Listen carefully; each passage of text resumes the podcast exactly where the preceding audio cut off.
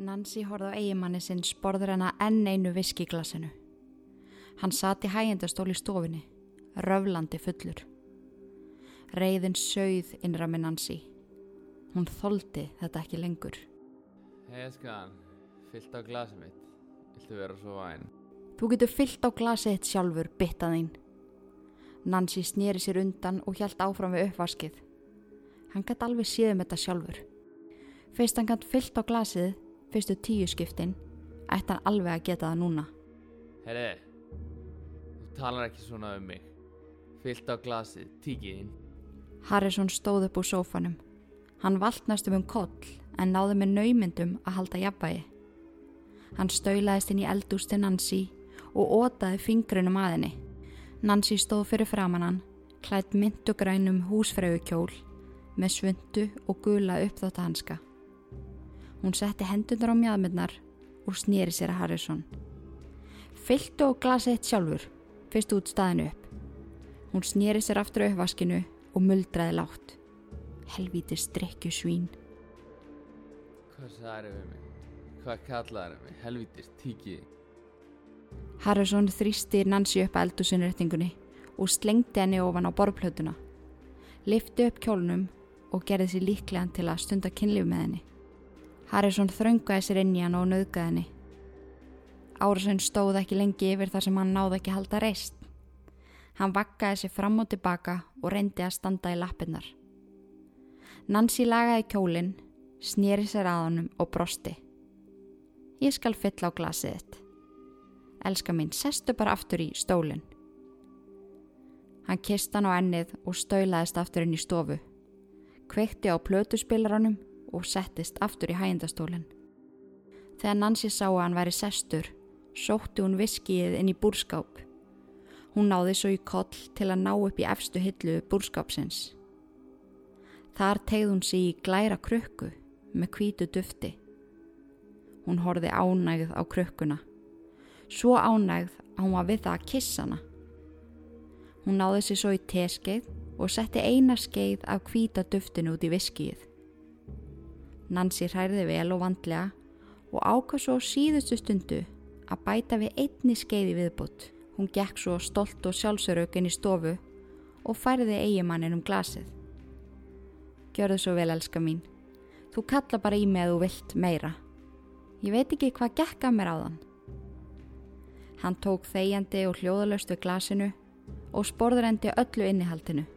Skellti glasinu á litla glerborði við hlið hægindasófans svo það glumdi í öllu.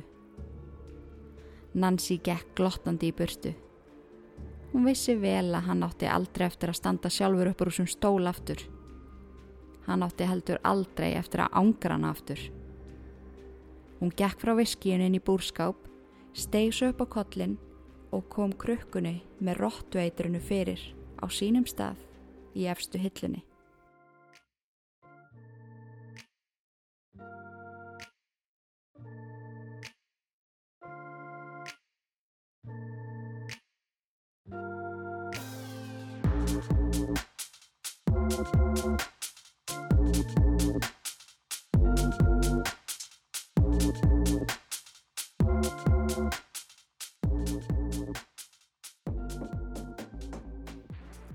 Komið sæl og verið hjartanlega velkomin.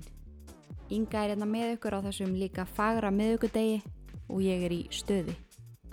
Já, ég segi það á skrifa. Ég er svo sannlega í stöði með guði. Trúðið mér ekki? Ertu að reyngja það að ég sé í stöði? Ég skal sanna það. Já, helgin er svo lengi að líða, hversu lengi má ég býða? Fram á þriðu dagskvöld, Wow, fram á þriðudagskvöld. Það er allt brjálað í bænum og allir stuði í. Skifin sigla á sænum, bílstjóri veistu um partí. Ok. ok, það er náttúrulega ekki allt með full FM á þessum bænum. En ég vona allavega að þið séu að hafa það gott og séu mega spennt fyrir máli dagsins. En áður við leggjum að stað skulum við fara með bæn fyrir mína áskæru kostendur þáttana. En í dag ætla ég að segja ykkur segðandi frettir frá blöss.is og síðan ætla ég að segja ykkur frá öðrum ansi segðandi og mjög skemmtilegum fréttum frá blackq.is Jú, jú, það er gaman að þessu. Einn góð saga samt, áður við byrjum.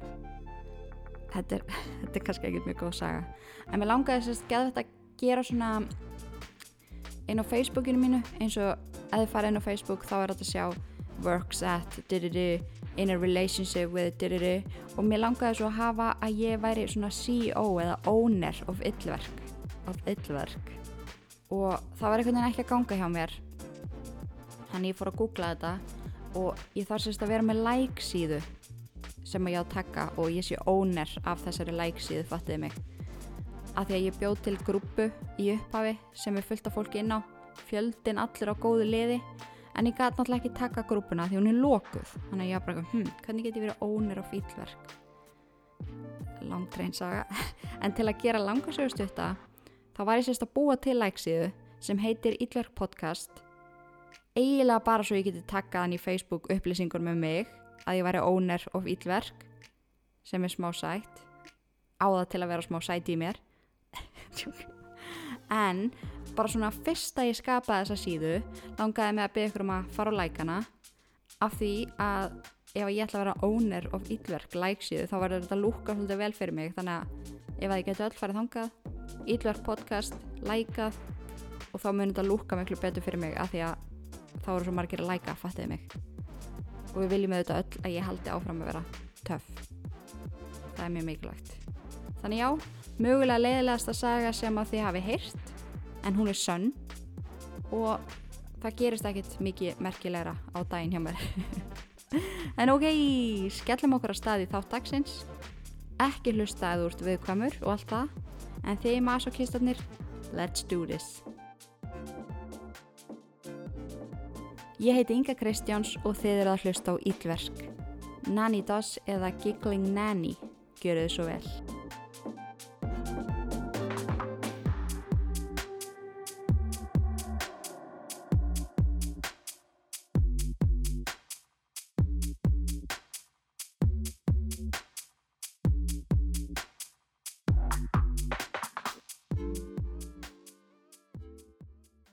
Nancy Hazel fættist hann 4. november 1905 í Bláu fjöllum, Alabama, sem er í dag partur af Aniston, Alabama. Skemmtileg staðrænt þá kefti Jennifer Aniston þetta svæði og skýrði það eftir sér. Nei, ég reyti að mér stanslust, er ekki ykkur hérna sem allar að stoppa mig að þeir gera allt vittlust það? Halló, allar ykkur að stoppa mig? En foreldrænar voru þau Louise og James Hazel. Hún var þriðja bat þeirra en í heldina voru sískininn fimm. Bönnin ólustu við mikinn hatur sem ríktu á heimilinu en mamma þeirra hataði James, föður þeirra. Hún gjörsalega þóldi mannin ekki. Þegar krakkarnir komust til vits og syldu inn í sín úlingsár fóru þau að bera, sa bera sér sama hatur til föðu síns. Hann var ótrúlega orðljótur, ofbeldistnegður og bara fárulega leiðilegu maður. Hann stjórnaði fjölskyttunni algjörlega, bannaði börnunum að mæti í skóla og vildi frekar að þau myndu vinna til að abla tekna fyrir fjölskylduna. Það allir því að ekkert barnana kunna lesa og lærðu þau í rauninni aldrei að lesa og skrifa almennilega. Talsmátið þeirra var sveipaður á mínum þegar ég byrjaði fyrst með þetta podcast og er talað um að setna meir hafi oft verið erfitt að eiga samræður við börnin því að þau skilduna er engin orð nema bara þessi einföldu og mest notuðu. En það er talið að slið sem að Nancy lendi í þegar hún var sjóra hafi allir því að hún gekk aldrei heil til skóar eftir það. En fjölskyldan ákastast eitt daginn að fara í dagsferð til söður Alabama með lest til að heimsækja ættingja. Á þeim tíma voru ekki belti í lestum, ég held að það sé í dag, svo Nancy og sískinni hennar líku sér einum klefanum á meðan fóreldrarnir sátu í öðrum klefa, mjög líklega í dauðaþögn og störðu út um gluggan. En lestin stoppaði svo skyndilega því að það kom dádýrahjörði í veg fyrir hana og Nancy skuttlaðist úr sætunu sínu og lendi með höfuðið beint á hjártstekki sem var á sætunu fyrir framann hana. Það var ekkert að gera nema að búa um sárið þar til fjölskyldan koma áfangastað. Þá var farið með hann á sjúgrós, sárið saumað og hún útskrifuð nokkur um klukkutími síðar. En eftir þetta uppliði Nancy nær daglega slæma höfuverki, svima, yfirlið og mjög djúft þunglindi. En hún hafði fram að þessu verið ótrúlega gladur, ég skrifaði graður krakki. Ég er að taka þetta upp svolítið seint til að vera að afsaka mig en ég skrifaði, hún var alveg ofsalega graður og aktífu krakki. Já, hún var sérst mjög gladur og aktífu krakki, ekki graður krakki.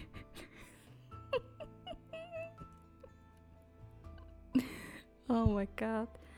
En hún breytist á mjög drastískan hátt eftir þetta slið.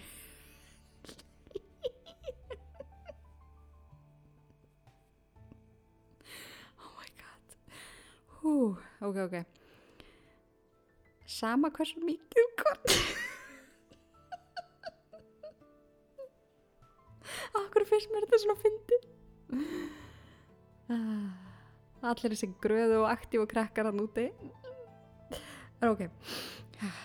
En sama hversu mikið hún kvarta yfir vannlíðan. Inga, stopp it. Takktu þau takið sama hversu mikið hún kvartaði yfir vannlíðan og verkjum var aldrei hægt að gera neitt í því eða þú veist það var aldrei gert neitt í því þar að segja það var bara sagt henn að harka á sér halda áhrá með lífið en eins og ég segi þá er talið að þetta hefði verið valdur andlara breytinga í hennar fari og hafi svo mögulega ítt undir allan þann hrylling sem hún gerði sem fullorðin kona en Nancy elskaði fátt meira heldur en að skoða tímaritt en hún læriði ekki að lesa almela fyrir um tvítugt En þegar hún var barn skoða hún myndir í bókum og tímarættum. Hún elskaði að skoða myndir af ástfögnu fólki og bað mömmu sín að lesa fyrir sig ástarsögur. Á meðan móðurinn að las fyrir hana letu hún sér dreyma um sitt eigið ástaræventýri sem að hún myndi eitthvað tíman upplefa með drauma prinsinum. Í rauninni það eina sem letinni líða betur var að hugsa um ástina og hvað hún hlakkaði til að finna hana sjálf. Þegar hún var svo fullorinn kona en bjóð ennþá heima við og ætlaði kannski að fara út að skemta sér og hitta stráka með systru sínum þá bannaði pappi þeirra þegar maður nota snirtifurur, allt make-up og þeirra mátta ekki klæða sér í kjóla og ekki, þú veist bara engin född sem að gerða þær meira aðlaðandi. Hann valdi alltaf fyrir þær född og vildi hafa þær í sniðlausum kjólasekkjum sem huldi líka maður þeirra. En þetta dró verulega úr stelpunum sem ákváði yfirlegt að halda sér frekar heima þar sem að það var gert stólpa grínaðum þegar þær fóru í pókakjólunum og meðal almennings. Nancy fekk svo starfi í fyrirtæki sem framleiti hör þegar hún var 16 ára gömul. En þar kynntist hún Charlie Braggs sem varð hennar fyrsti eiginmaður. Þau höfðu einungis verið að heittast í fjóra mánuði þegar þau gengu í það heilaga og þurfti Nancy að söða stanslust í pappa sínum í marga daga áður en hann lefði henni að giftast manninu. En Nancy þráði ekkert heitar en að komast í burtu frá æskuheimilinu. Það kemur ekki fram hvort hún hafi í raun og veru verið hrifin af þessum manni eða hvort hann var bara hennar eina undankomi leið frá stjórnsama föðu sínum. En hún allan að flutti inn með honum og aldraðri móður hans sem að harðneitaði að búa einn. Tengdamóður Nancy síndi fljótlega sitt rétta andlit og var görsónlega óþólandi. Hún stjórnaði parinu algjörlega, hvað þau borðuðu, hvernig þau klættu sig og hvernig heimilið leitt út. Hún kallaði Nancy allan liðlangan daginn og baði hann að gera hitt og þetta fyrir sig. Hún kom oftin í svefnarbyggi hjónana og settist þar á stól og byrjaði að prjóna. Þau fengu bókstala aldrei frið fyrir henni. Nancy og Charlie fóru bæði að eigða miklum tíma utan heimilisins. Þau gátt ekkert en ekki hugsa sér að vera heima og fóru bæði að leita í aðra einstaklinga og á tíma voru þau bæði að halda framhjá en þetta olli miklum styrleika þeirra á milli skiljanlega og þau nakkrifust nær öll kvöld og sökuðu hvort annaðum framíhald. Það gerðist í ófáskipti að þau heyrðu banki vekkin og öskur úr svefnerbyggi tengdamóðurinnar. Að hún væri nú að reyna að sofa hvort þau gæti ekki lækkað í sér. Hvað við minn góður. Árið 1923 eignust þau fyrsta barni sitt saman. Littla stúlku. Strax og hún kom í heiminn var Nancy orðin ófrisk aftur. Á fjórum árum eignuðust þau fjóradætur saman. Þegar yngsta dótturinn fættist var ástandi á heimilinu hræðilegt. Charlie let sér yfirleitt hverfa og skildi Nancy eftir með börnin og tengdamóðurina sem gerði í því að skipta sér af og segja henni að svona eigi nú ekki alveg börn. Þú að halda á henni svona, nei ekki gefinni þetta. Og já, pottið þið sem eigi börn hafið ykkur tíman upplifa svona óþólandi afskipta sem er frá ykkur með einstakling. Það eru ykkurlega mega þreytt. Þið getið á rétt ímyndað ykkur hvernig það er að vera með fjögur lítil börn og gaggandi tengdamóður yfir ykkur allan liðlangan daginn. Ég held að enginn komist heilli gegnum það. En þarna fyrir Nancy að sækja meira í áfengi og síkaretur. Hún drakk og reykti til að róa taugarnar og misti svo endanum alveg stjórn á neslunni. Þegar Charlie kom heim eitt sinn og fann dætu sínar skrýðandi einar um húsið, Nancy áfengistöða á sófanum og móðu sína blótandi, fekk hann algjörlega nóg. Sambandira var orðið þannig að þau töluðu lítið sem ekkert saman. Sváfu í sikkur á herbygginu og skildu börnin eftir hjá hvort öðru, dögun saman og meðan hinn aðilin fór og stundaði einnanætu gaman sem endi stundum í meira en einanótt. Það var svo í kringum 1927 að næst elsta og næst yngsta dótti Nancy og Charlie dóu skindila. Ekkert hafði amað að börnunum en þar letust sama dag sem þótti mjög undalegt. Við krupningu kom í ljós að telpunar höfðu innbyrt gríðalegt magna af róttueitri sem var talið hafa gerst fyrir slisni. Þar hafði verið að leika sér og komist í tæri við eitrið sem var gemt í búrskáp heimilisins. En það var allavega ekki gripi til neittna aðgerða. Andlátum voru talin slis, en setna meir, þegar saga Nancy verður ofinber, er ansi líklegt að dætur hennar hafi verið hennar fyrstu fórnalömp. Stutt eftir andlát stelpnana flúði Nancy frá heimilinu, án þess að láta neitt vita. Hún tók með sér eldstu dóttu sína Melvínu en skildi Florine eftir sem var þá aðeins nokkra vikna gömul. Hún sótti um vinnu í bómullar verksmiðu og reyndi eins og hún gata veita dóttu sinni gott líf. Þegar tengdamóður hennar ljast, neittist Nancy til að sækja yngstu dóttu sinna því að Charlie var svo þunglindur yfir að hafa mist móðu sína að hann sónaði bara út og gati ekki hugsað um barnið. Núna með tvö ung börn og ekkert á milli handana flutti Nancy með stelpuna til móðu sinnar sem var þarna orðin ekkja. Hún sóttu um skilnað og það gekk í gegn nokkru mánuðum setna. Áður við höldum áfram með sögun Nancy skulum við heyra nokkur orð frá styrtaræðala þáttarins.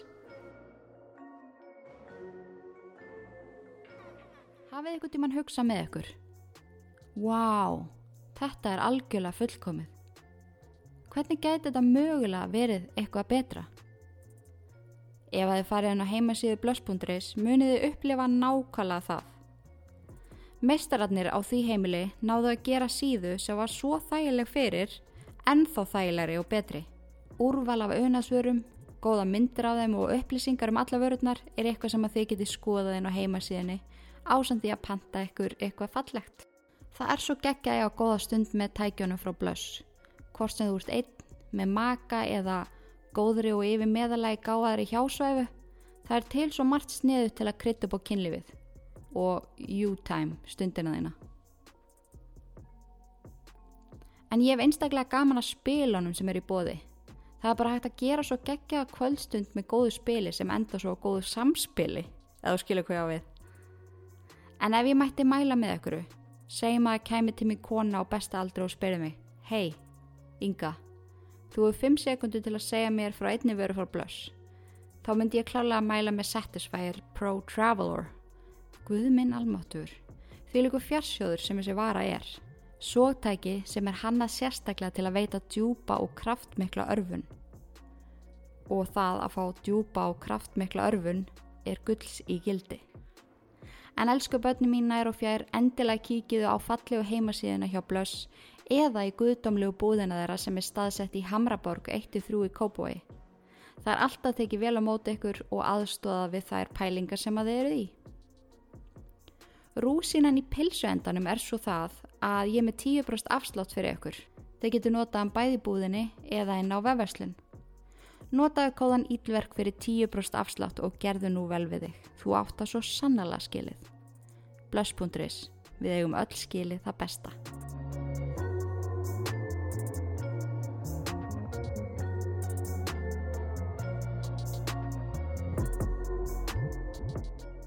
Velkomin til baka.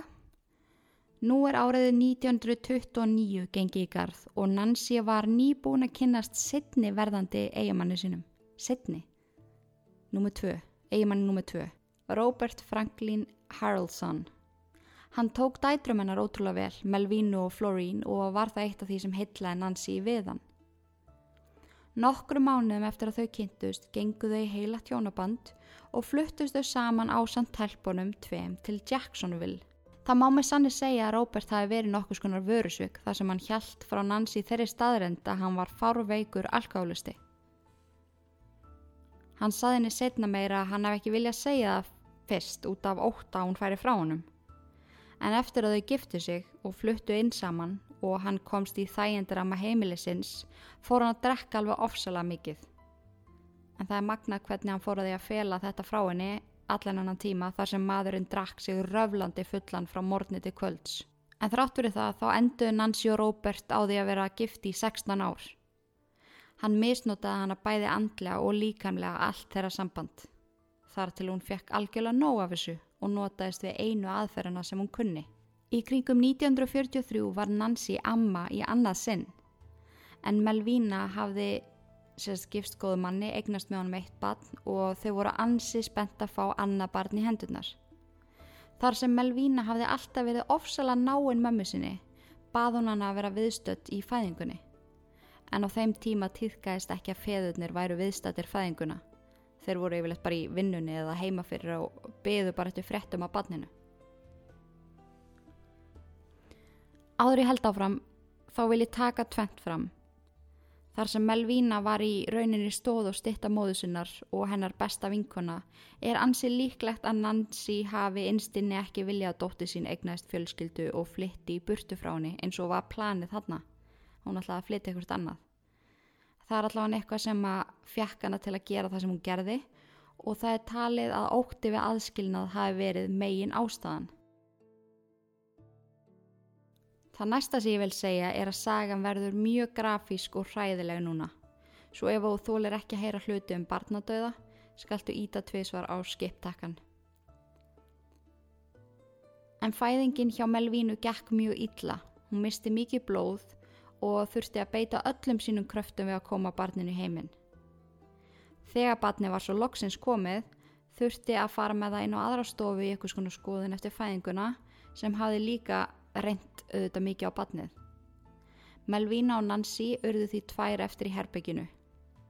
Nancy satt og hjælt í höndóttu sinnar sem var svo uppgifin að hún kom varðla upp orði. Stuttu setna var komið með litla barnið, heilbriða og dásanlega stelpu og rétt móðurinni. Læknirinn og hjúgrunakonan sögðust alltaf bregða sig frá örstutastund til að sækja það sem að þau þurftu til að hlúa að Melvínu en það þurfti að saumana alveg fyrir eitthvað mikið. Þegar Nancy, Melvína og barnið urðu ein eftir á stofinni fóð Melvína að kvenka sér. Henni fór að svima hræðilega og dætt inn út um meðvitund. Nancy tekur þá barnið í fangið, gengur á borðinu þar sem hellingur af verkværum lágu og stakk prjón inn í höfuð á barninu. Hún rétti svo Melvínu barnið og settist aftur við hliðinar. Þegar starfsfólk kom aftur inn á stofuna tókuðu eftir að það var ekki allt með feldu. Barni hreyfði sér ekki og blóð lag úr höfðu þess. Melvína saði óskýrt að það hefði eitthvað komið fyrir barnið. Hún leita á móðu sín og spurði hana, gerður eitthvað, gerður eitthvað að barnið? Ég, ég er ekki viss hvort ég sé ímynda mér eða ekki, en tókstu barnið að mér á meðan ég var meðveitnudalaus? Nancy sagðist ekki að hafa gert það, hún hefði bara setið hann á beðið og enginn skildi hvað hefði komið fyrir en fljótlega var talið eitthvað skona mistök hafa orðið þegar það var reynd að koma batnin í heiminn sem var nokkru mínutum síðar úrskurðaða látið.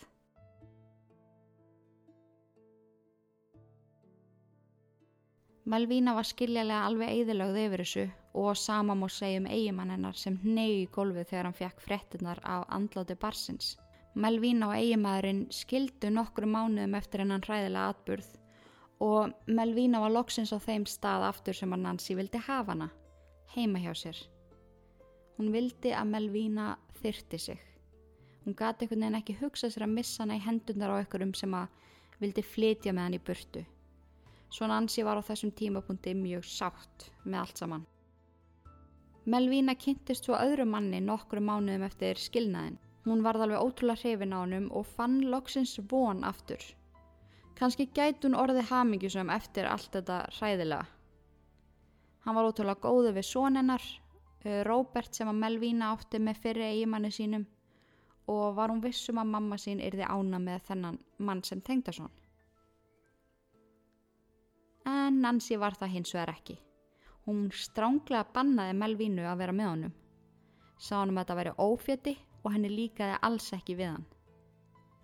Eitt kvöldi rifust maðgurnar svo heftala eftir að Melvína reyndi að koma móðu sinni skilningum á hún elskaði mannin, að hún rauk og dyr og skildi svon sinn Róbert eftir hjá mömmu sinni. Melvína fór og eitti nokkrum dögum hjá föðu sínum til að jafna sig. Hún var bálreið út í móðu sína og skildi ekki hvað gengið í laðinni.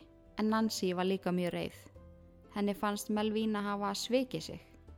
Hún sem hafði alltaf gert allt sem hún gat fyrir hana og svona launaði hann henni. Hún fór og arenseraði heiminhári líftryggingu fyrir ömmustrákið sinn og skráði allt á sjálfa sig. Því næst eitra hún fyrir barninu með róttueitri sem olli kvalafullum döðdaga. Þegar Melvína kom aftur heim frá föðu sínum fjekk hún þær frettir að Róbert það fara á sjúgrás því að hann var alltaf einu svo slappur í maganum og átti erfitt með að anda. Læknar sögðu svo Melvínu að Róbert hafi dái vegna alvarlegra síkingar í, önduna, í öndunavegi sem á olli því að hann hafi kapnað.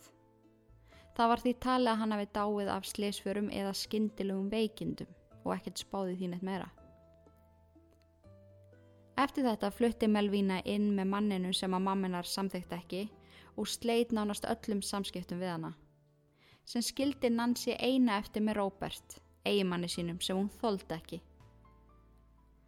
Nokkru mánuðum eftir andlát Roberts yngri fjekk sá eldri sömu meðferð. Hún eitraði fyrir honum með róttu eitri. Eitrið let hún í viskiglasið hans og horði svo á hann engjastum þar til hann let lífið. Á sveipuðum tíma fekk Nancy greitt úr bæði líftryggingu Robert, eldri og yngri, sem var hátt í þúsund dollarar sem þótti gríðarlega mikill peningur á þeim tíma. Þú veist, 1920 og þúsund dollarar hafa verið alveg ótrúlega mikill peningur. Nancy ákveður að eigða peningunum í að ferðast. Hún fóð með lestamelli staða og hún endaði í Lexington, North Carolina og kynntist þar þriði að verðandi eigimanni sínum, honum Arlie Lanning. Hann þótti alveg gríðalega hillandi maður, hávaksin og myndalegur og konur svo leiðis eldust við hann. Þau giftu sér þrejum dögum setna hjá síslumanni. Hún flutti inn til hans en Arli bjó í stóru og fallegu húsi á samt aldraðri móður sinni. Arli var mikill drekkjusjúklingur og fljótlega fekk Nancy upp í koka á honum. Hún fór að eigða meir og meiri tíma í burtu frá heimilinu og að ferðum sínum hitt hún aðra menn og heikað ekki við að halda fram hjá Arlie. Ótrúlegt en satt, þá dó hann skindilega hálfa ára eftir að þau giftu sig. Orsök döiðans voru svipað og hjá Róbert Lilla. Alvarleg síking í öndunafærum sem allir því að hann kapnaði. Þetta var því tali vera að völdum skindilegra veikinda. Nancy vissi að nú fengi hún mikið af peningum. Stóra húsi sem að þau byggu í líka Hún byrjaði strax að hugsa með sér hvernig hún ætlaði að ráðstafa peningnum og let sér dreyma um fleiri ferðalög. Það var því ansi mikill skellur þegar hún kom staði að sýstir Arlie áttir húsið. En tengdamóður hennar hafi sérst gefið sískinunum húsið og þau máttu ráða hvernig þau ráðstöfuði því. En tveim dögum setna eftir hún fretti þetta brann það til kaldra kóla ásamt öldruðu tengdamóður Nancy. Tilviljun? Ég, ég held ekki. En það var svo ykkur miskilningur hjá trekkingafélaginu og fyrst eftir brunan var farið til Nancy með alla pappira. Hún var mjög fljóta, grípa það tækifæri, skrifa undir og hyrða líftryggingu tengdamóðurinnar og trygginguna af húsinu. Og skildi svo bara mákonu sína eftir allslaus. En Nancy sem var þarna komið við nefnið Nanny ákvaða að drífa sér í burtu frá svæðinu með alla peningana. Hún bankaði mjög randumli upp á sýstu sinni, Dóvi, sem hún hafði ekki hitt í mörg ár. Dóvi hafði glimt við veikindi í langan tíma og var rúmleikjandi. Hún var svo glöð að sjá sýstu sína sem böðst til að vera hjá henni í nokkra daga og hugsa um hana. Dóvi sem hafi verið einleip allæfi og virkilega innmanna var svo þakklátt og saði sýstu sína að láta bara alveg eins og heima hjá sér. Það er eitthvað sem að Nancy ætlaði svo sannlega að gera. Viku eftir að Nancy flutti inn til sýstu sínar, dó Dóvi skyndilega. Döðsfalli var strax tengt við veikindi hennar og gekk Nancy í burtu með enn eina líftrygginguna og engum grunaði neitt. Nancy ákvæmst að búa áfram í húsi sýstusunar og halda áfram í leitsinni af ástinni. En hún skráði sig á stefnumóta klubin Diamond Circle Club en þar kynntist hún Richard Morton. Þau giftu sér mánuð eftir að þau kynntust og hún flutti með honum til Kansas. Hann átti ekki við drikkjuvanda að stríða eins og hinir þrýr eigimann Nanni en hans vandamál var að hann vildi alls ekki stunda kynlíf. Hann hafði óbeitt á því og fannst það bara ekki partur af tilgangi lífsins. Nanni varð mjög fljótt þreytt á þessu sambandi og fór fljótlega að hugsa með sér að nú er komin tími til að eitra fyrir honum. Í januar 1953 kemur svo Louise í heimsókn, móðir Nanni, sem var þarna bara orðin gömul kona. Hún spurði hvort þú mætti ekki dvelja um stund hjá hjónunum. Í staðin fyrir að segja bara nei, drullar heim, ég nenni ekki hafa þig, þá ákvað hún sama daga eitra fyrir móðusunni og hún var látin daginn eftir. Andlátt hennar var tengt strax við háan aldur og öndunar erfileika sem hún hafi mjög lengi þjástaf. En þar sem Nancy var eina eftirljóðandi Bart Louise fekk hún væna líftryggingu. Í mæ 1953 nokkrum mánuðum setna, lést Richard líka skindilega, en hann hafi kapnað í svefni vegna mikillar síkingar í öndunavegi. En Nancy var þarna ansi vel stæð og þurfti ekki að sinna vinnu. Hún fór því að eiga við gamalt vandamál sem var að lesa ástasögur og ljóð. Loksins gatt hún líka að lesa þær sjálf og fljótlega fór hún að gæla við þá hugmynd að byrja sjálf að skrifa. Hún eitti heilu dögunum í að skrifa grafísk ljóð og sögur um ástina. Að hennamati var hún upprennandi skald og höfundur og þarna var tækifæri sem geti veitt henni það mikla peninga að hún þurfti aldrei að hafa ágjörðaðin framar. Hún var virkilega spennt fyrir framhaldinu á þessum tímupunkti. Tökum okkur örlittla pásu áður við heyrum um fymta hjónaband Nanni eftir nokkur orð frá styrtaræðila þáttarins.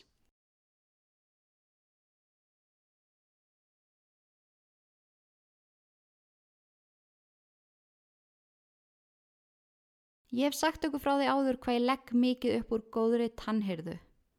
Tampust að kvölds og mótna, passa að drekka ekki vöku sem leta tennunar og alltaf nota tannfrá, það er mjög mikilvægt.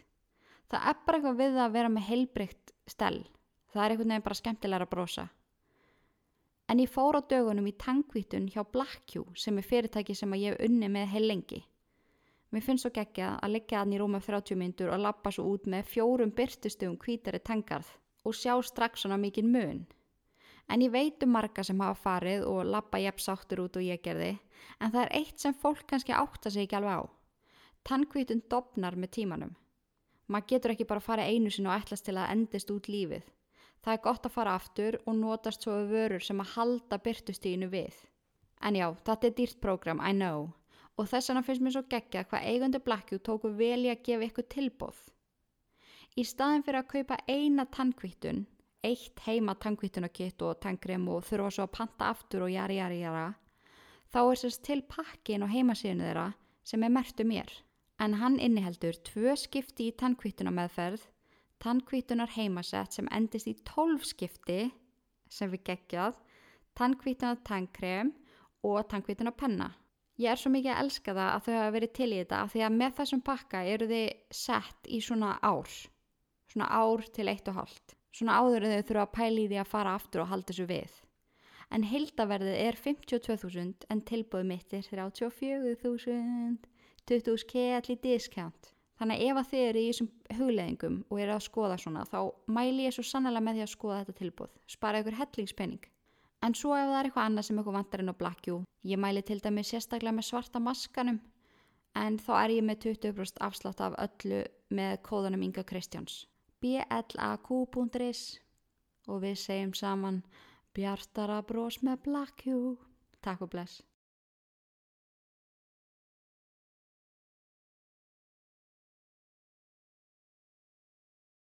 Velkomin tilbaka mín kæru mannsbörn.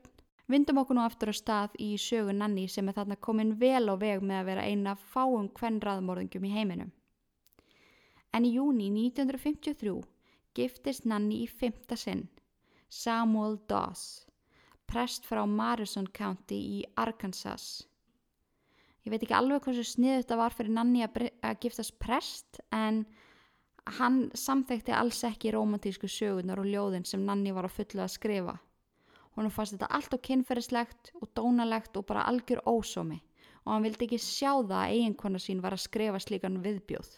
En þetta olli miklu fjadrafóki í hjónabandinu og að Nanni fannst hún einhvern veginn króið af, lokuð í fangelsi inn á, innan veggja heimilisins.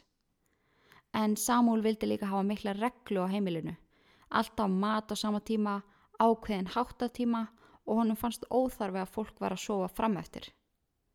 Nanni sem hafi alltaf farið sínar eigin leiðir var fljótt alveg virkilega þreytt á þessu og fór eins og vanalega að leggja á ráðin. Í september 1953 var Samuel lagður inn á spítala. Hann bar enginni flensu en honum batnaði fljótt eftir að hann fekk viðeigandi lif. Þann 5. oktober útskrifaðist hann af sjúkrásinu og fekk að fara heim en honum var ráðlegt að fara rólega á stað og reyna að kvíla sig. Þann 12. oktober var hann svo fluttur aftur á sjúkrás, núna með sjúkrabíl. Nokkru mínútum eftir hann komin á sjúkrásið var hann dáinn. Sama dag hafði Nanni farið og arranserað líftryggingunum hans og tryggta að hún fengi væna greiðslu eftir andlátans. En í þetta skipti, fyrsta skipti, vakti þessi skyndilegi döðdagi upp evasemdir. Læknirinn sem að hafði útskrifað Samuel nokkrum dögum áður fannst þetta virkilega skrítið. Maðurinn hafi gengið út stálslegin og hann skildi ekki hvernig hann fekk allt í henni þessa svæsnu öndunafæra síkingu sem ollið því að hann kapnaði. Læknirinn fór fram á að líkans erði kröfið því að hér væri ykkur maðkur í mesunni. En þá komi ljós gríðalegt magn af rottueitri. Í fyrsta skipti var Nanni tekin til yfirherslu vegna dauða eigimannsins og hún spurð hvort hún getur nokkuð útskýrt þetta magn af eitri í líkamanns. Nanni var ekkert að tefja þetta. Hún viðikendi allt sem hún hafi gert. Hún talaði stanslaust klukkutímum saman, hvernig hún hafi drepið eigimenn sína, móðu sína, systur, tengdamóður, ömmubönnin hennar og hún var bara ekkert að reyna að skafa af þessu. Málnanni fór fyrir domstól þann 17. mæ 1955 en á þessum tveim árum frá því hún var handtekinn og síðan dæmt þá satt hún í fangelsi. Hún játaði svo sekt sína 15. mæ 1955 og var dæmt til lífstíðar í fangelsi. Þrátt fyrir allt sem hún hefði játað þá var hún bara dæmt fyrir morðið á Samuel þar sem að sönnunagögn úr hinum málunum voru ekki til staðar. Ári eftir dóminn greinist Nanni með kvítblæði og deyr nokkru mánuðum eftir greiningu eða þann annan júni 1956 aðeins 59 ára gömul í fangelsinu í Oklahoma State. Já, hann má eiginlega með sannig segja að konan hafi fengið að hafa þetta allt nákvæmlega eins og hún vildi því hún þurfti ekki að eða miklum tíma með syndum sínum. Í rúm 25 ár myrt hún fyrir tryggingafið og þegar hún átti loksins að fá sína refsingu, dó hún bara. En all hún hafi ekki farið beint til helvítis, blessunin. En þetta var hefði áhugaverða mál Nanny Dose eða Giggling Granny. Ég, þetta mál greip mig alveg. Ég, ég hafði ekki heyrt um það áður, svo sá ég þetta á YouTube og ég alveg Giggling Granny, what? Og svo var þetta, þetta er ekki kannski heitlandi mál, þetta var mjög áhugavert, þetta greip mig og sökk alveg í þetta. En ástæðan fyrir þessu gælunafni, Giggling Nanny, er bæði það að konan var alltaf brosandi. Ef þið googlið hana þá var hún brosandi á öllu myndum, bara hvar sem þú sást hana var hún alltaf með breytt og bjart bros og síðan hafði hún hennan einstakar svona skríkihlátur. Ég las þetta bara frá okkur um hérna vinum hennar og eitthvað svo leiðis. En já, hennar skrítna skríkihlátur sem er sagður hafa smetað mikið út frá sér þannig að hún var kölluð Giggling Nanny. En áhugavert líka að þegar þetta kom allt upp á yfirborðið þá kom þetta sjúkla mörgum verulega óvart. Því hún hafði alltaf verið þessi venjulega glaðlinda kona og það grunaði engum að hún geti gert eitthvað illt. Magna dæmi. En áður í hveð ykkur vil ég minna á illverk.is Þar er hægt að finna alls konar skemmtilegt, til dæmis blogg um áhugaverð mál uh, tengt true crime sem að geggjuðu pislahöfundinni mínir skrifa. Svo er hægt að skrá sig í áskrift af ítverkþáttum. Svo ef að eitt þáttur í viku er ekki nóg fyrir þig, þá getur þú skráðið þar fyrir 990 krónur á mánuði og þá færðu 5 auka þætti. Yey. En þánga til næst, takk fyrir að hlusta, takk fyrir að vera til og í guðanabænum forðist öll ítverk nema þetta podcast. Veriði sæl. Áður og hættum skulum við samt heyra nokkra amazing bloopers sem urðu til við sköpun upphafsadreðisins.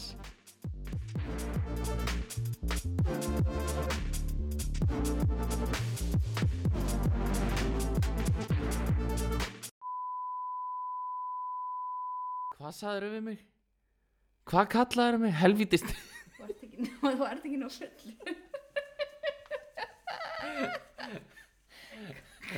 Hvað sagður við mig?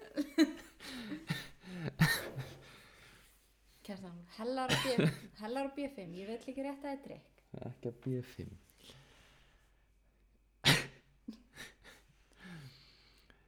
Hvað sagður við mig? Hvað kallaður mig? Helvítist tíkiðinn Þú ert nú fullur. Þú ert röflandi fullur. Ég er líka Þú ert edru að vera röflandi fullur, Kjartan. Hvað sagður við mig? Hvað kallaður mig? Helvítist tíkiðinn Fannst þetta betra? Hvernig ertu reyður og fullur? Þá er ég ekkit svona þoklumaldur Þú verður að vera það fyrir hann. Herði, þú talar ekki við mig Nei Það er alveg rétt reyndar Herru, Herði, þú talar ekki svona við mig alltaf edru maður. Ég er líka blá edru, ég er að leika fyllibittu Við skrólaði niður hérna Tíkin. Á ekki segja hvað meira Jú, hvað sagður við mig? Nú, neldi ég það ekki And the word goes to... Hvað sagður við mig? Hvað kallaður mig? Helvítist ert brjálaður. Hvað sagður við? Ekki svona reitt hjartar, slappa þú af. Hvað sagður við mig? Hvað kallaður mig? Helvítist tíkiðinn Anna. Þegið einu sinni í lífinu, tík